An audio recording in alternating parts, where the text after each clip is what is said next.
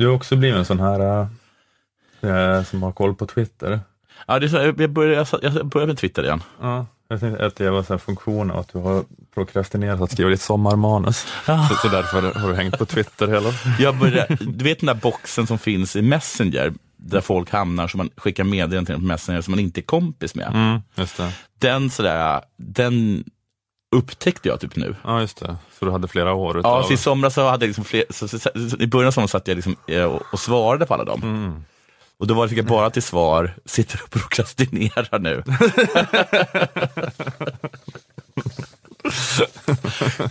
Svara inte på ett fyra år gammalt Messenger. Utan för en gångs skull, ansträng dig.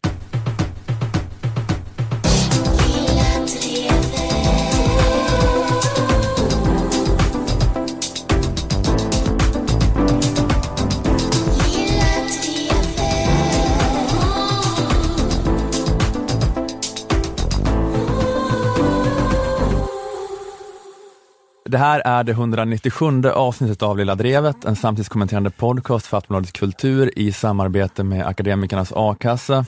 Eh, jag heter Ola Söderholm och här på plats i Malmö musikstudio finns också Jonathan Unge. Hej! Hejsan!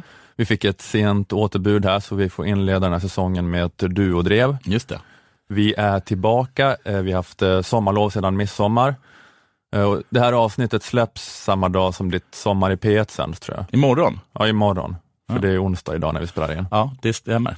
Det jag, det jag vet om programmet Sommar i P1, ja. det är att det är viktigt nu efter att programmet släpps, att du varje dag i ett par veckors tid lägger upp selfies på Instagram ja. med bildtexter om att du är helt golvad av responsen ditt program har fått.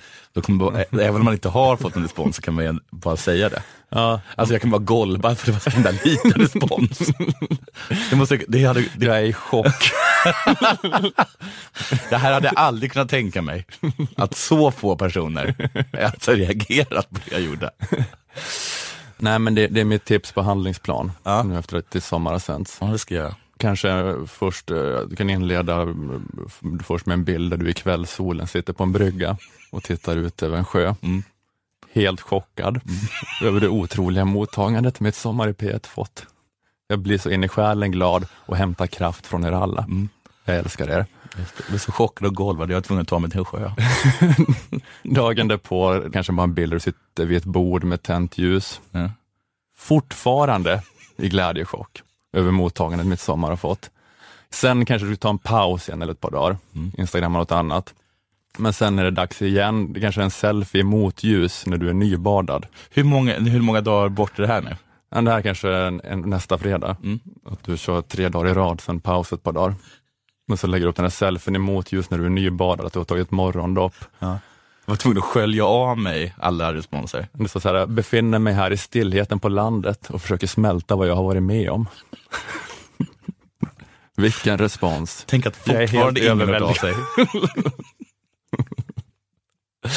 Men jag, mm. jag, så, apropå det så såg jag faktiskt, um, det var Jakob Müllerad, mm. vårt nya musikaliska geni.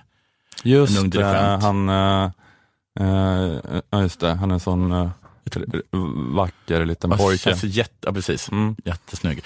Um, jag tror att han är gammalt uh, kollebarn till mig. Mm. Men han la upp, uh, det här är ingen kritik, kära kollebarn. uh, så här, idag för ett år sedan höll jag mitt sommarprat. Mm. Ja, ja, just det. Ja, men det är såklart. Det var lite väl tyckte jag. Så, så får man också, det, det, får man också göra. Jag firar tioårsjubileet av mitt sommarprat. Mm. Väntar fortfarande på respons. Okej, okay, men den här veckan, vi skulle prata om, vad var det nu, Martin Melin? Ja, lite kort. Du, eh, den gamla eh, Robinson-polisen. Just det. Och, eh, och du sa något mer om turism? Ja, jag tror det kommer vara något om turism också. Ja, jag, jag, tror jag ska göra något, kanske någon, försöka göra någon slags sammanfattning av sommarens drev. Mm som har varit. Och, men, just det, men först tänkte jag på det här att det var, det var Pridefestivalen i Stockholm förra veckan. Just.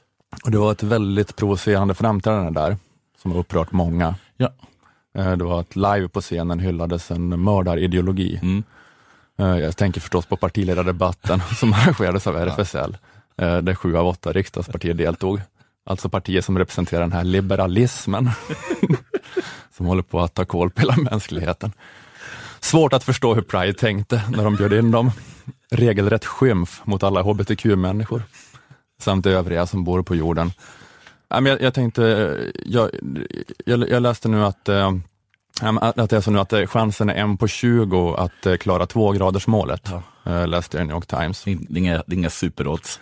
Nej, det är mer realistiskt att det, finns, att det fortfarande finns en chans att begränsa uppvärmningen till tre grader, ja. säger då en expert i New York Times-artikeln. En på 20, det är ingenting man slungar en bebis över en vägg för. Nej, och att det finns en madrass på en tjugondel av ytan ja. på andra sidan. Nej. Nej, nej, och det är också det att den madrassen är inte heller skön. Alltså nej. två grader är också en katastrof. Så om det sker ett... Barnet överlever, ja. men eh, det är inte mycket till liv. Nej, kommer det leva, leva och leva.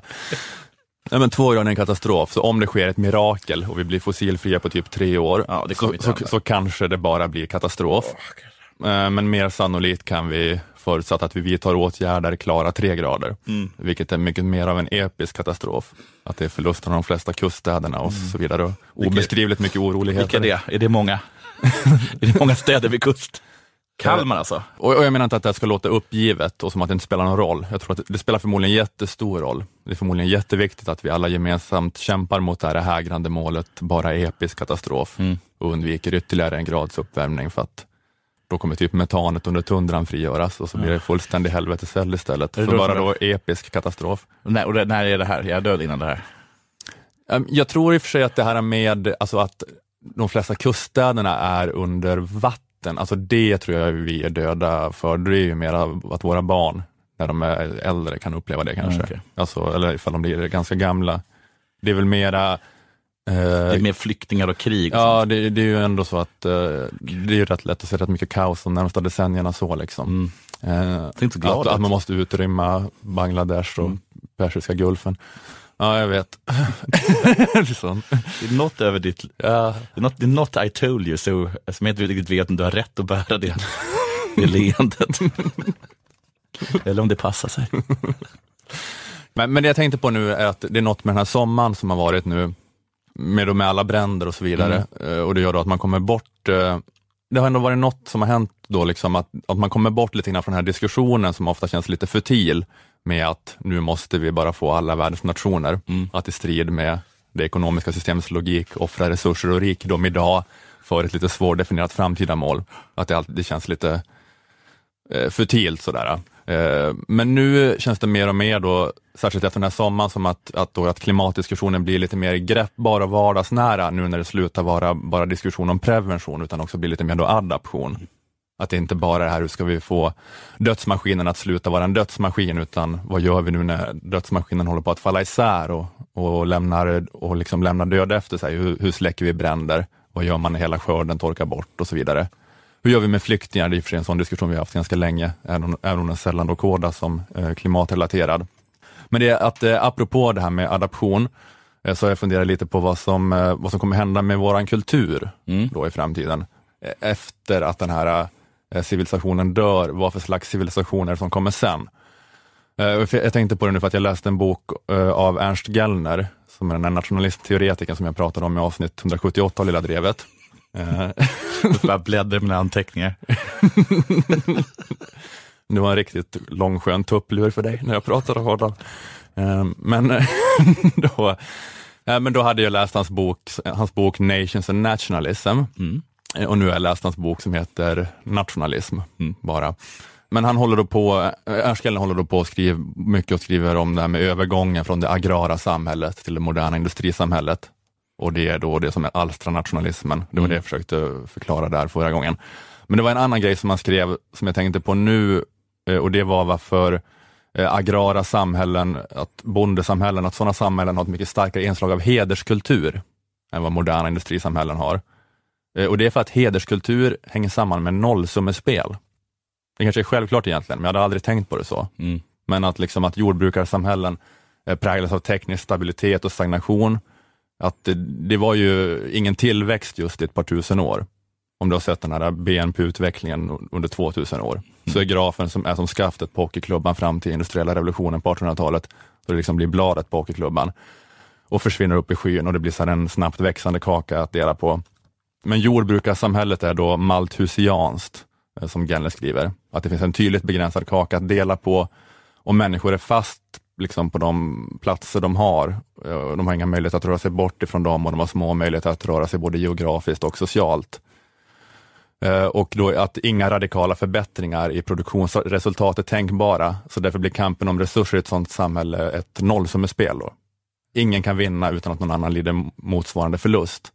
Eh, och det här gör att man då framför allt blir intresserad av sin position och rangställning inom samhällsordningen.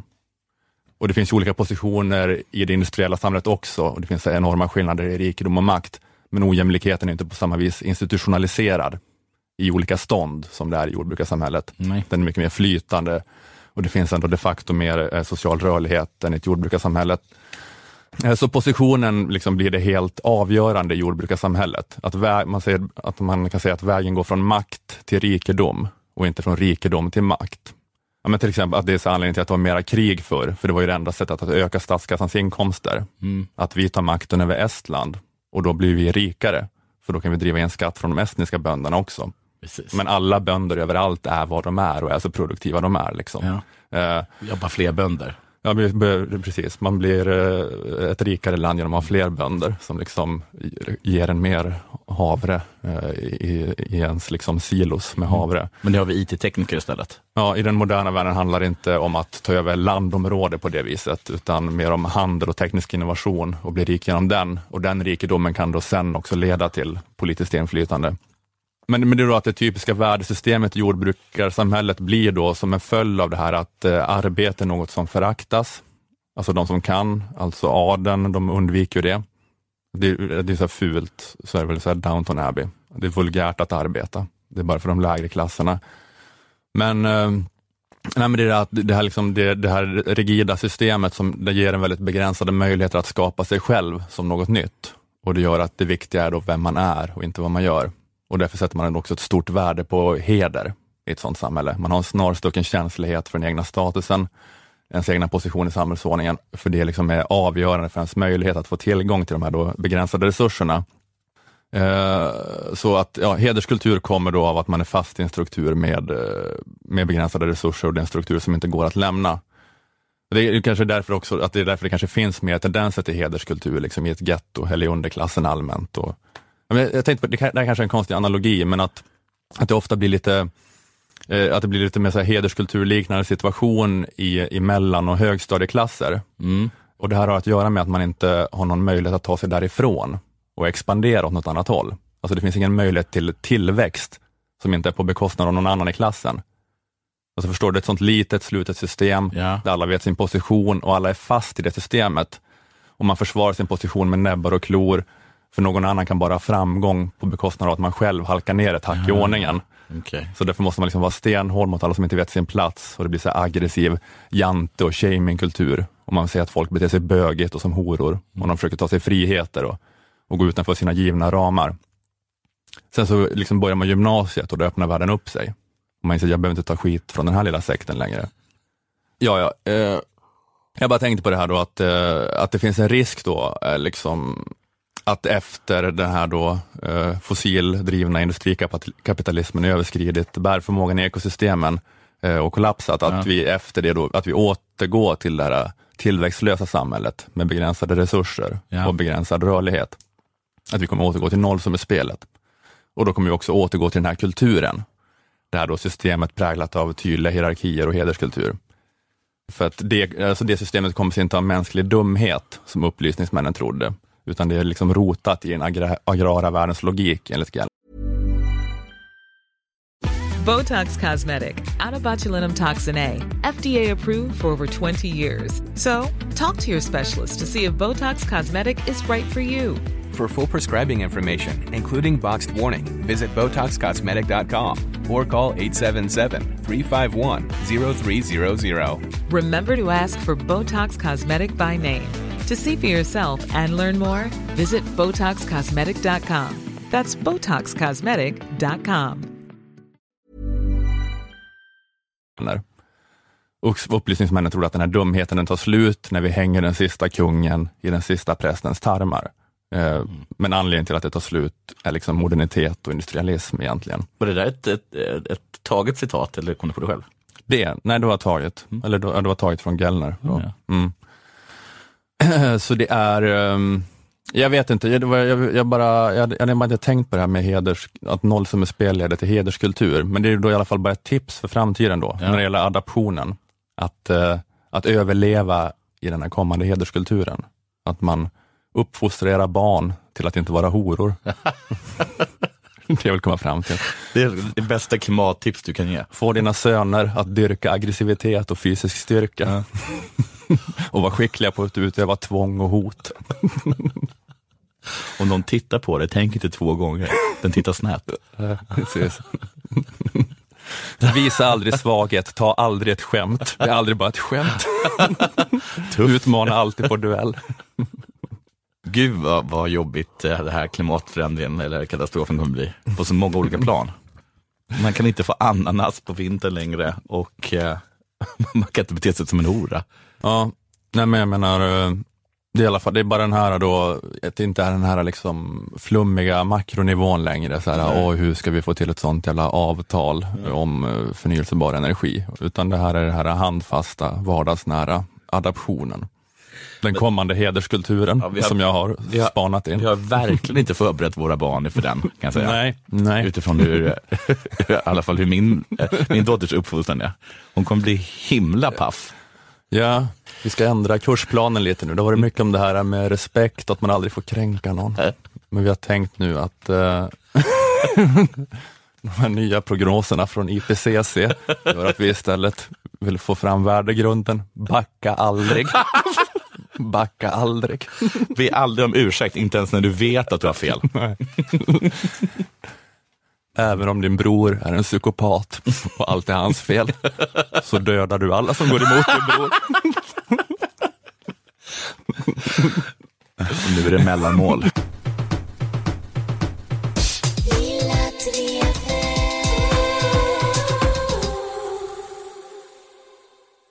Martin Melin, som du mycket riktigt påpekade är vinnaren av den första säsongen av Robinson.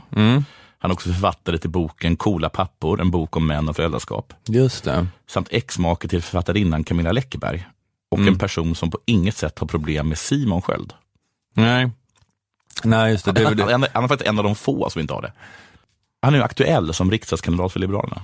Mhm. Men det är inte det jag ska tala om. Jag ska tala om att han twittrade detta tweet för någon dag sedan. Den här rubriken och ingressen är så dålig att personen som gjort den borde skämmas. Mm.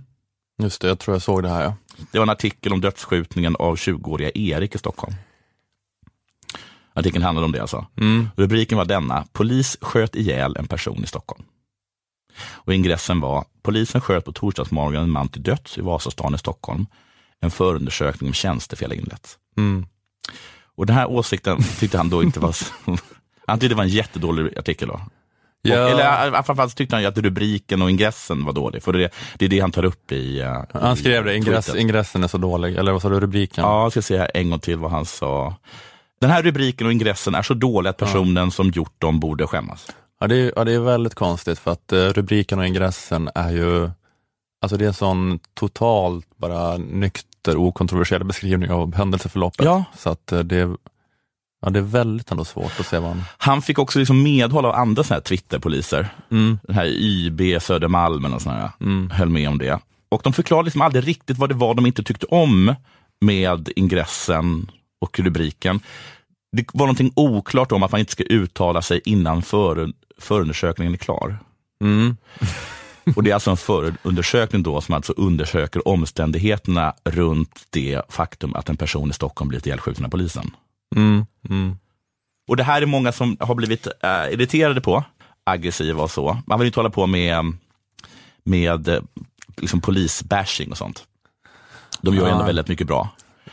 det är, ja jag vet, det, ja, jag, jag kan tycka att uh, snut hatar Twitter är lite eh, jobbiga. De är Men, jobbiga. men snut älskar Twitter är ju värre. Ja, de- så är det. det, är som, det är så himla jobbigt. Ja. Det är liksom eh, pest och kolera, kolera. Ja. Det är liksom aids-cancer. Mm. Men i alla fall, ehm, jag tänkte då, liksom, jag hade först då tänkt att göra ner då den här, alltså vad det är de tycker är upprörande med en sån oerhört liksom opartisk, eller vad man ska, vad man ska beskriva, eh, rubrik och eh, ingress. Mm. Så verkligen inte säger något. Nej, nej. Um, men så tänkte jag på att de här personerna som säger att man inte ska säga någonting för undersökningen, vad de egentligen menar tror jag, och där jag också stämmer in att här kan man kanske göra så att man tar faktiskt några veckor innan man börjar kritisera polisen. Mm.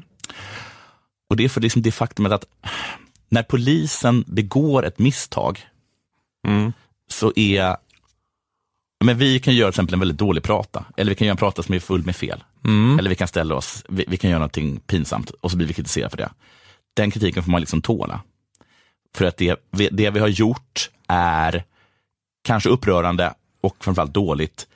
Men det går inte att jämföra med att skjuta ihjäl ett barn till exempel. Nej. Nej. Och det är Nej. lite så det är med polisen.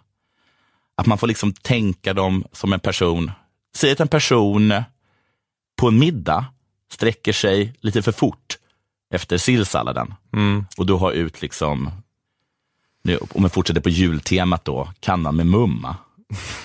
Mm. Då, kanske, då kanske det passar sig att skrika klant. Ja. Men om den personen istället, när den sträcker sig efter sillsalladen, råkar avsky, avfyra sitt tjänstevapen mm. och skjuter liksom kusinen. Just det. Då ska man inte ropa klant? Nej, Nej. för det är så fruktansvärt stort misstag. Ja, just det. Men så, så du menar att man, att man ska inte hålla på och uh, för tidigt kritisera polisen här för att det är ett så fruktansvärt stort Jag misstag? tror, att, jag, tror att det är där, jag tror att det är därför de reagerar så. Att de vet att det är en sån, det är en sån, det är sånt oerhört fuck up de har gjort. Mm. Så att de, de är liksom inte ens mottagliga för, alltså det blir nästan grymt. Alltså det är därför polisen uh, reagerar så? De här, Ja, de, vad, vad kan han ha haft emot? De vet ju att det inte här är inte något fel på den här rubriken. nej, nej just det. Det är ju bara att de själva är traumatiserade över vilket gigantiskt Mm, och liksom oförsvarbart just det. Men det kan, misstag de gjort. Trots att de, man fa- faktiskt har all rätt att säga det till dem, mm, så måste man kanske ge dem någon, två veckor någonting. För att det är sånt oerhört, oerhört klåpigt och tragiskt. ja, det, med att det, är menings, det är meningslöst att säga det nu, vilket fuck up det här var Ja. till dem nu, Ja. till, till svenska polisen nu, för de är inte mottagliga för det. Ja, alltså rädslan är väl på något sätt då att de aldrig kommer e- erkänna det. Ja, just det. Men jag tror att nu så spelar det liksom ingen roll, kårande eller inte. Nej, nej, nej. De har gjort bort sig något så himla mycket. Ja, just det. Ja, men jag förstår vad du menar. Det är bara egentligen att, att eh, chocken är ett stadium som måste jobbas igenom först. Ja, och jag sen- förstår att det, det är egentligen fel, men om man, om, om man, då får man, man får liksom tänka, de har liksom inte spilt, de har, inte, de har liksom inte spilt, de har inte, de har inte spilt sillsallad på slipsen. De, har, de, de ställer sig upp och så märker man att de har ju, de har ju skitit ner sig. Vad skulle de göra liksom? Vad ska de göra liksom? Det är sånt oerhört, oerhört Mm. Det jävla är väldigt, eh, ja det var väldigt, eh, för du, du, du, sa, du berättade att det var, det var en kille med down syndrom och eh, Mm. leksakspistol, för, ifall folk inte vet om det, som blev skjuten. Med så här, vad var det, sju skott eller någonting, Ja. tre poliser. Det spelar nästan ingen roll vilka omständigheter det var. Alltså, ingen kommer antagligen straffas för det här, för det, det, det, alla förstår att det inte var med uppsåt. Det är ingen som tror att det var med uppsåt. Nej, Men det spelar ingen roll, det finns väl liksom, det finns väl ändå mycket saker man kan göra som även utan uppsåt mm. är ett sånt stort tragiskt klanteri att man inte vet vad man ska ta sig till. Liksom. I den här Twitter-tråden då, som, som gick ut på att, eh, att medierna absolut inte fick spekulera förrän förundersökningen är, är klar, så tror jag både Martin Melin, eller jag vet i alla fall att han, YB Södermalm och någonting glatt, eh, eh, liksom eh, tweetade ut någon länk till någon gammal polis, tror jag, som, hade, som, som glatt spekulerade i vad som hade hänt. Eh, men vad han bland annat tog upp, då, den här glatt spekulerande polisen, det var att, ehm, att svenska poliser drar sig för att skjuta så- till den, eh, till den situationen då de skjuter bara för att döda. Medan man i Just andra det. länder är så här att man skjuter lite direkt på måfå. Och då är det mycket större chans liksom att man att man kanske skjuter ett skott och det kanske träffar någon annanstans eh, som inte är dödligt. Eh, alltså att, att, om det var så att vår polis var lite mer eh, skjutglada så hade fler personer i Sverige blivit skjutna. Så är det ju självklart. Men färre hade dött. Just det. Utan nu är det så att man drar sig och drar sig och drar sig och sen bara liksom, så man skjuter man tills de inte rör sig längre. Men är inte det någonting med att någon sa att det är något fel på reglementet? Liksom? Att, Jo, det är så, att, precis, de lär sig det. att, Liksom. de ska, att, att, att de borde ändra på det, så att de får lära sig att det här, skjuta på måfå. Ja, bara, så fort de känner någonting så är det liksom bättre, att ni, bättre att ni klipper någon gammal tant i benet än att ni liksom Ja. att ni bara skjuter tills magasinet är tomt. Skjut sådär, äh, vad ska, så, så fort ni är pressade, skjut sådär som en cowboy. Ja. Bara ta upp det du hölstret och liksom skjut, skjut från höften. Ja, precis. Ja. Problemet är då att eh, Bokstavligt talat, skjut från höften. Alltså fler människor, kommer, inte. alltså så här, fler människor kommer bli skjutna. Det är också så att de har ju liksom pistoler som gör, äh, skott som gör väldigt stor skada. Mm. Eh, men skotten stannar i kroppen. Ja. Så de liksom gör jättemycket skada i kroppen, men de flyger inte ut och träffar andra människor. Nej, nej, okej. Så man har att välja på då att när polisen väl skjuter så Mm. dödar de. Eller, så har vi liksom, eller så får vi liksom ta det att vi kommer bli skjutna några gånger i veckan. Liksom. Ja, och antagligen, eh, liksom, då kanske inte ens siktar på oss. Nej, just det. Okej. Ja, ja. Det där är en svår avvägning. Mm, precis. ja, det är lustigt det där att det, Det var, som jag förstod det var också lite det som var polisens två val. Alltså den här, äh, jag har glömt att ta hans, hans namn, den här med den här äh, spekulerande polisen. Att det är lite det valet vi står inför. ja, Så ja, antagligen så, så skjuter de och dödar den, mm, eh, några gånger, ibland kanske fel. Eller så blir alla lite småträffade, Mm. men kanske mer, färre människor avlider. Ja, man kan ju prova ett par år då. Ja. De bara skjuter direkt hela tiden. Men, eh, Man skulle kunna börja i en stad, ja. Jag vet inte. Men det var, Västerås, det, det var, där det liksom är lite mer skjutglada poliser. Och sen får man liksom jämföra det med sorts riksgenomsnittet. just det, precis. Nio av tio västeråsare har blivit träffade av kulor. Mm. Men liksom kanske bara en på hundratusen har dött av dem. Det är, men det är liksom, eh, men det var också någon som sa att man kan ju avväpna polisen helt också, att det är så i många länder. Mm. Att de inte har vapen ens. Han kommenterade också den här spekulerande polisen. Var synd att jag inte hade hans namn där, är han som, som, som är med allra mest. Men han, eh, han sa att ja, han stod så här, jag, jag sa ja, då får vi förhålla oss till det, sa han. Mhm. Ja, ja. Han sa inte riktigt om, om det blev hur bra det skulle bli, Nej. utan mer att då får man väl förhålla sig till det. Han, han gick med på att man skulle följa lagen, det är ju skönt. Men, ehm, eh, men att han sa att han trodde att det kanske skulle bli svårare, att det är ännu svårare att rekrytera poliser då. Jaha. Alltså redan nu har de ju så svårt så de är tvungna att sänka intelligenskvoten, liksom, eller graden. ja, just det. För att det Och om idioter inte får skjuta också. Vem ska då vilja bli polis?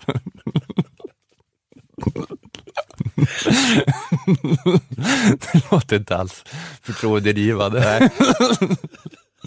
Jag har sänkt intelligensnivån jättemycket och det de gillar det är att gå runt på stan med en pickadoll.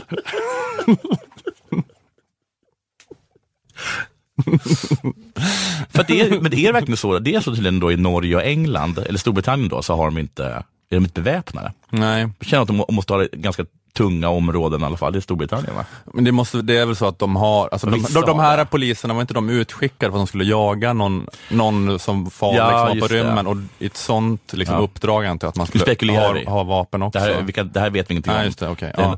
förväntar oss förundersökningen. Ja men det, det är väl så antagligen då att man har inte vapen när man traskar runt liksom Nej. inne i stan, men när man är ute i förorten så Mm. får man hämta ett vapen kanske. Jag vet inte.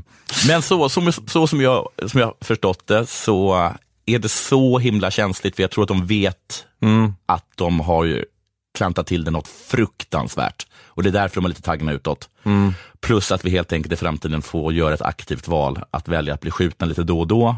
Mm. Eller att, eh, att det blir sådana här misstag med eh, 100% dödlighet. Liksom.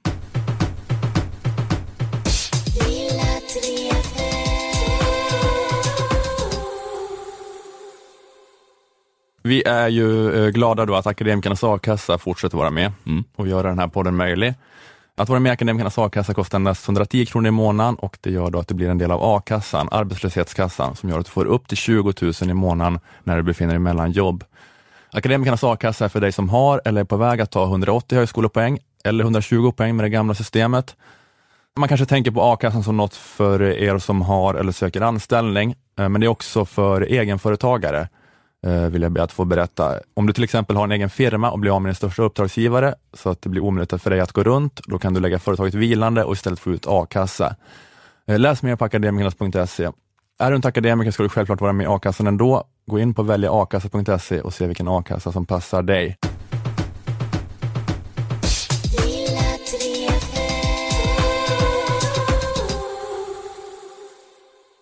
Ja, men det har ju varit en väldigt eh, drevtät sommar. Ja. Folk har vikt sin semester åt Twitter på ett aldrig tidigare skådat sätt. Jag tänkte att jag snabbt skulle beta av ett par av de här bara. Mm. Jag, jag har också jag funderade på det, att jag hade en idé att, man skulle, att det är en idé för ett museum, att man skulle ha ett så här, gamla drev. gamla drev. Ja. Eh, att det bara skulle vara spännande att gå runt där och kolla sådär. Att, eh, ja, just det, det där glömde jag. ja, och, alltså inte så gamla, bara ett par år sedan, men Mm. att det är så många, de är så intensiva, de försvinner så snabbt, så man bara säger ja, just det, maj 2016, det var då Yasri Khan inte ville skaka hand. Eller sånt Mm. Det var jag jätteuppe i 72 timmar. just det. Hösten 2014, Gabriel Wikström föreslår utredning av svenskarnas sexvanor. Missförstås med flit av Expressen-ledare. Undrar om man då går, går omkring och liksom fnittrar lite åt sig själv. Mm. Lite som man, när man ser bilder på sig själv, om man kanske har liksom väldigt konstiga kläder eller en lustig frisyr. Mm. Eller om man tvärtom liksom då blir liksom stugen på den där känslan. Eller att istället för att man går och ser sig själv, liksom, blir- hur, hur kunde jag ha de där kläderna? Utan mer så här, vad fan, det här har jag glömt att Gabriel sa. Man blir arg igen. Sådär. Ja. Fan, det här näthatet mot tjej Ghostbusters. Jag blir så himla upprörd. ja, men det, det här som låg, eh, det som låg närmast då, eh, det som låg närmast nu i sommar var ju då kanske det här med eh, vår kollega Anton Magnusson, Mm. hans alias Mr Cool, som är då en rappare med over the top grova texter för humoristisk effekt. Han råkar regelbundet ut för de här grejerna då, att de fiskar upp någonting. Det här var det värsta hittills, så att man drog upp Mr Cools gamla låt Knulla barn. Och det var då eh, olika retorikexperter, karriäristaktivister, opportunistfeminister, frikyrkopredikanter, TV4-komiker, mammagrupper på Facebook, poliser också delvis tror jag. Det var liksom ett gäng som gick ihop i dumhetens axelmakter. Mm. The axis av riktigt, riktigt Var osmarta människor. Var det Twitterpoliser som var upprörda? Det var sådana här poliser som hade, att poliser var så här, jag har gått utbildning om liksom hur man bekämpar Ah, pedofili på det. nätet och sådär och, och, eh, ja, och skrev sådana liksom långa inlägg Där som det- Elaine Eksvärd delade. Ah, okay. Det var okej att spekulera vilt. Ehm, Om vi lovar att hålla, liksom, ta, ta en lång inandning när de har skjutit ihjäl någon, så får de lova att ta en lång, en lång, lång inandning mm, när det blir ett eh, Twitterdrev mot en komiker. just det. Eh, precis, ja, det tycker jag låter som en ganska Rimlig- generös, Ja. väldigt generöst erbjudande. Jag höjer erbjudandet, även om det är en komiker de har skjutit ihjäl. Ja, precis. Jag skulle inte gå ut och veva på Twitter om de sköt ihjäl dig, utan skulle jag vänta på utredningen. precis. Han var ju störande. Nå, Nej, men det var, Ja. ja. men det, jag vet inte, det är kanske en meningslös genomgång där, alla har Mm. koll på det. Men det var då att de piskade upp den här stämningen av att, att det är liksom, att, att skämt om pedofili är pedofili. Mm. Det finns ingen skillnad. Och det ledde till att låten plockades bort och en turné som Anton var med på stoppades och efter så påtryckningar och hot mot arrangörer och hot mot eh, Anton och hans familj.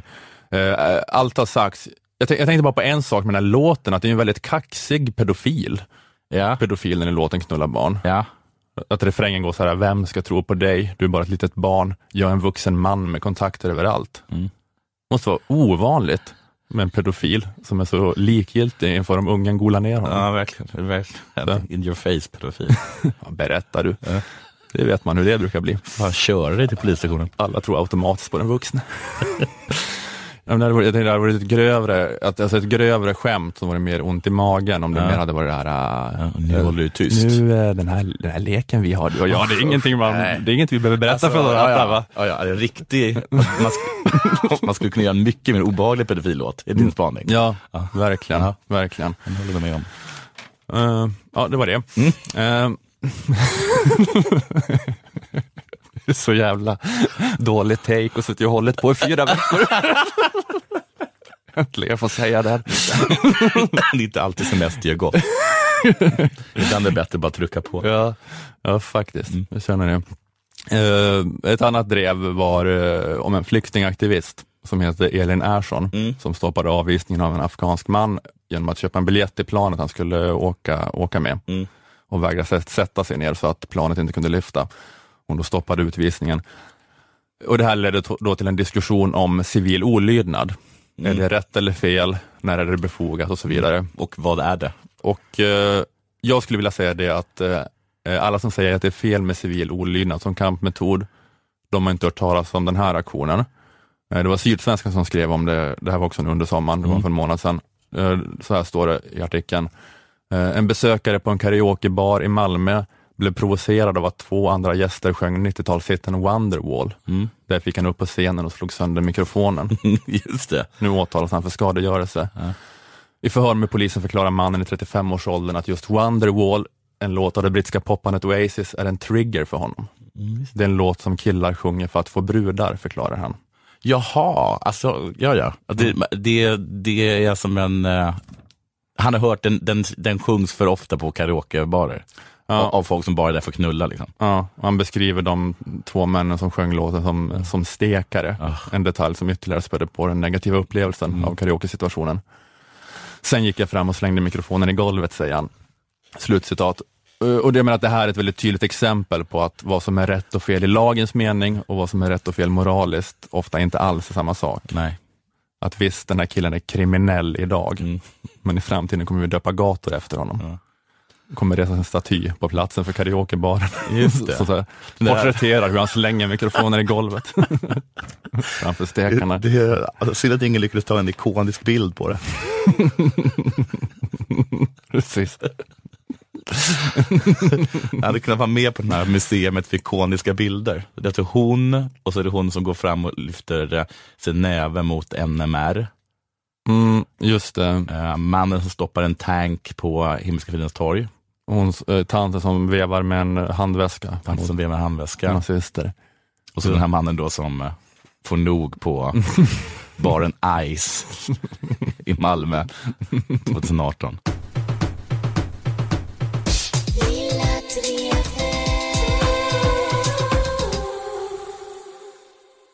Jag satt på en uteservering eh, för ett tag sedan och sen så hörde jag musik. Det var en sång, sjöng på spanska. Det är inte helt ovanligt att man hör det. Nej. Nej.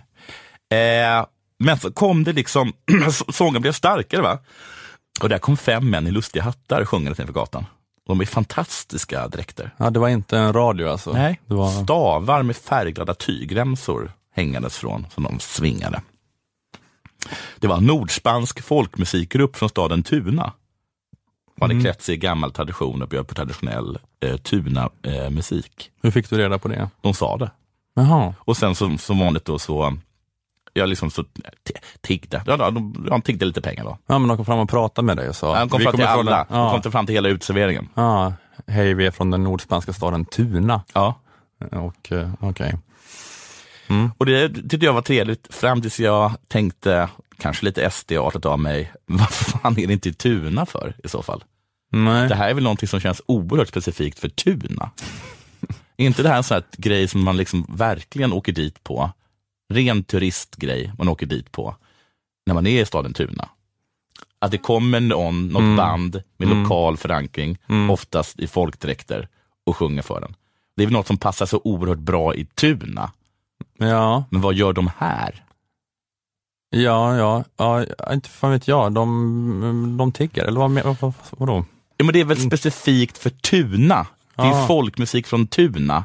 Mm. Men det, om, jag vill, om, jag vill ha, om jag vill ha nordspansk folkmusik från Tuna så är det någonting som jag aldrig vill ha, men som jag kan tänka mig att bli utsatt för om jag är i staden Tuna. Mm, mm. Att liksom, det kändes på något sätt som att turistfällorna i Tuna Mm. nu var ute på turism. Just det, okej. Ja, ja, men jag förstår. Och det fick mig att tänka på turism. Ja, Jag var nämligen i Paris nu i somras. just det. Mitten av juli. Mm. Det var underbart. Förutom att vi på Air France-planet från Köpenhamn till Paris tvingades att, att applådera deras guldlag i fotbolls-VM Jaha. av besättningen Hade, innan vi lyfte. Lite som att vi skulle inte lyfta om vi inte applåderade. hade matchen precis spelats? Ja, det var dagen innan den här matchen spelats. Okej, da- ja, okej, så det var ändå alright. Så de bara ropade ut det? Nu ska vi, sa de. Okej, Nu ska vi applådera vårt guldlag. Det var alltså fler eh, skandinaver där än det var fransmän kan jag säga. just det. Och de flesta hejar förmodligen på Kroatien i den Ja. matchen. Jag tycker sånt där ska väl komma spontant. Mm. Hur som helst, annars var som sagt det en jättefin vistelse. Framförallt var fransmän riktigt trevliga. Mm. De är o- kända för att vara otrevliga, Ja, men de var trevliga. japp. Mm. Förutom hotellreceptionisten som gång på gång rättade min dotters uttal av bonjour. nu kan inte ens hon tala liksom svenska eh, liksom korrekt. Nej, just det. Det blev jag faktiskt sur för. Då tvingade jag honom att säga sju sjösjuka sjömän. Jaha. Gick sådär va? Hur som helst så var allt toppen, förutom alla turister. Hej vad turister det var. Mm. Man kom inte fram till Eiffeltornet, man kom inte ens fram till vissa delar av stan. Nej. Försök slå runt på Sacré-Cœur.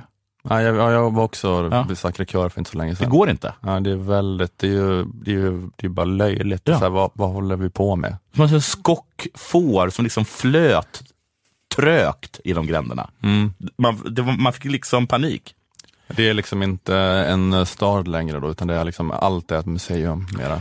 Allt är ett museum, ja. Det är kö allt. Mm. Jag hade kunnat ta upp att jag köade liksom två och en halv timme, timme för att komma in på Versailles. Men Mm. det är också så att man köar ju två och en halv timme liksom bara för att ta sig liksom För att ta sig På- till, till en kö, vara till en gata, vara på en gata. Ja, Ja. precis.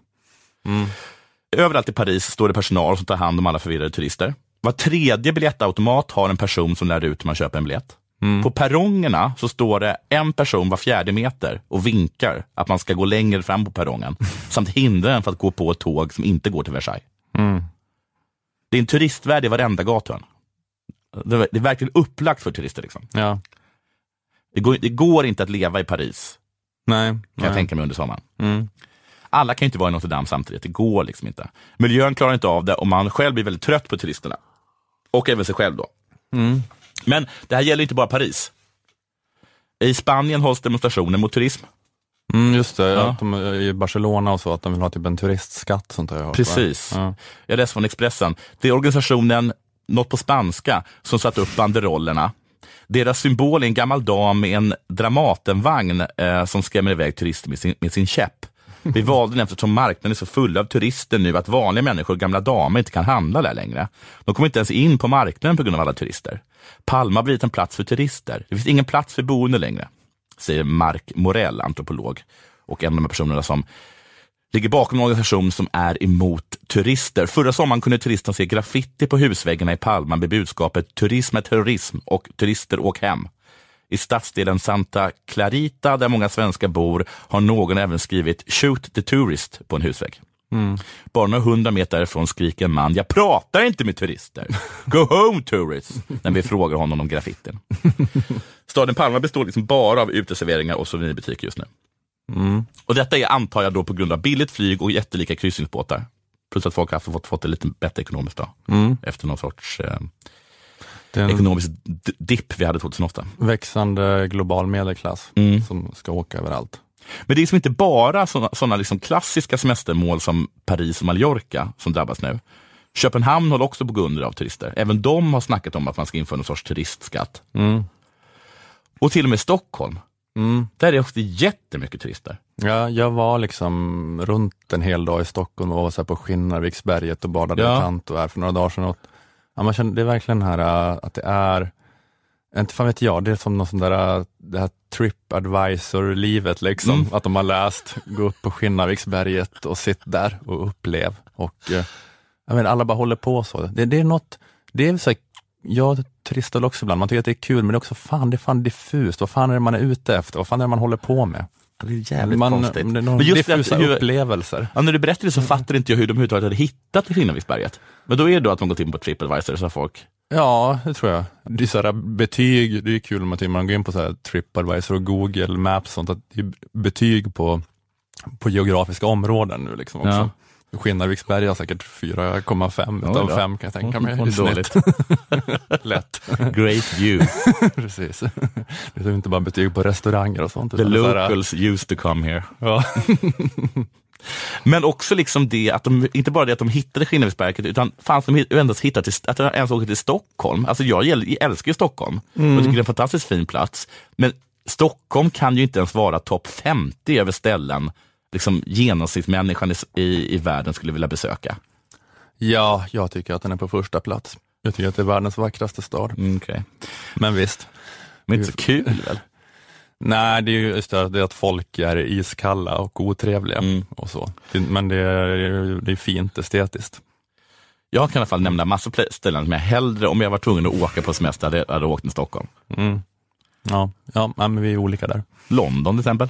Mm. Bara nämna ett, ett annat ställe. Miami. Två exempel bara där. Mm.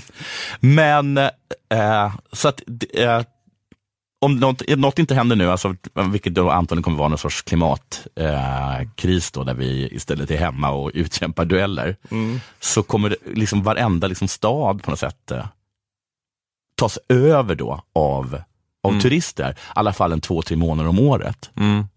Då kan man lära sig av Malmö. Mm. Här finns ju också turister, men de känns rädda och som att de inte vet vad de gör här.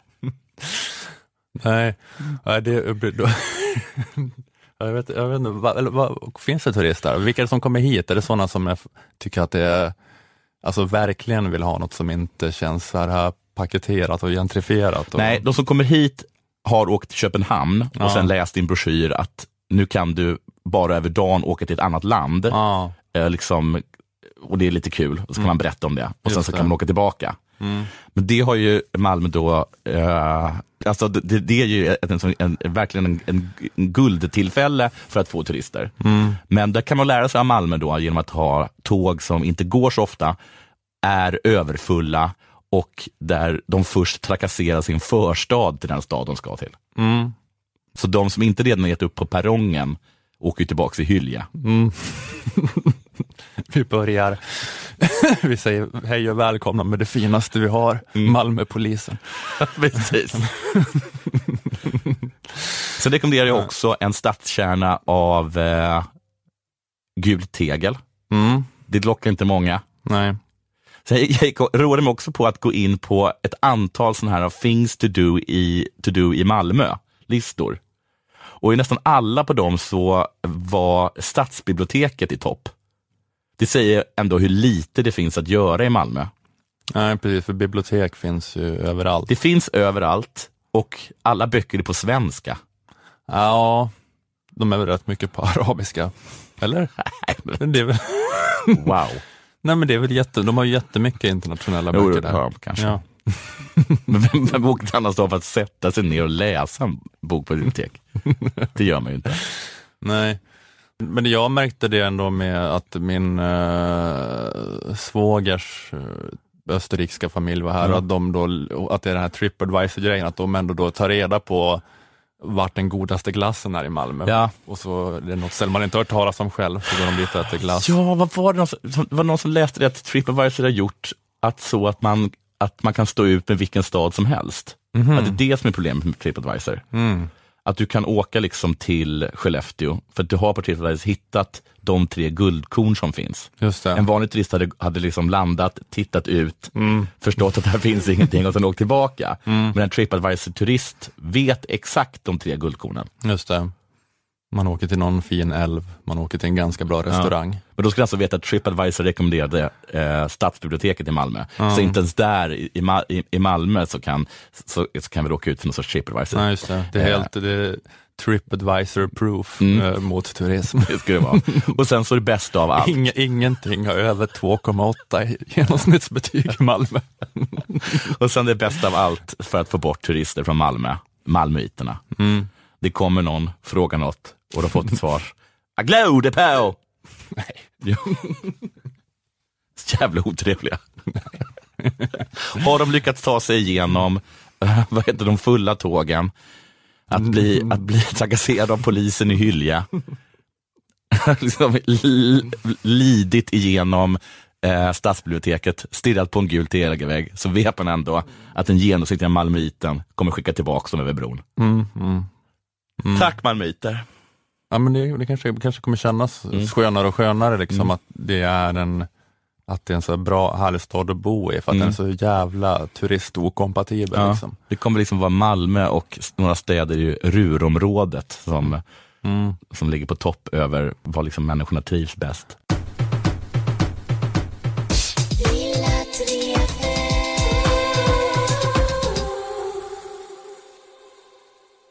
Då, men då, det var det, det var det vi hade va? Ja, Mm. det är första för sommar. Ja, Alltså man börjar, brukar inleda att man bara ska berätta om sin sommar. Och det är väl ungefär det vi har gjort i och för sig.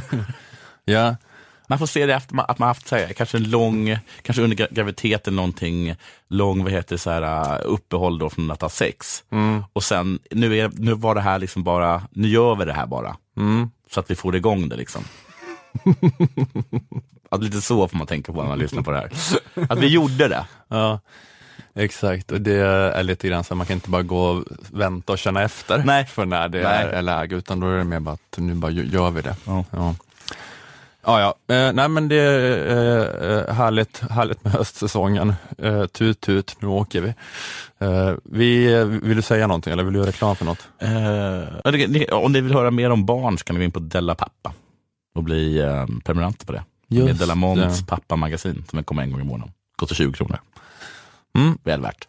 Ja, eh, okej. Ja men jättebra. Mm. Eh, då säger vi tack till Aftonbladet Kultur och Akademikernas A-kassa. Du heter Jonathan Unge, jag heter Ola Söderholm. Lilla Drevet är tillbaka igen om en vecka. Hej hej! Hej!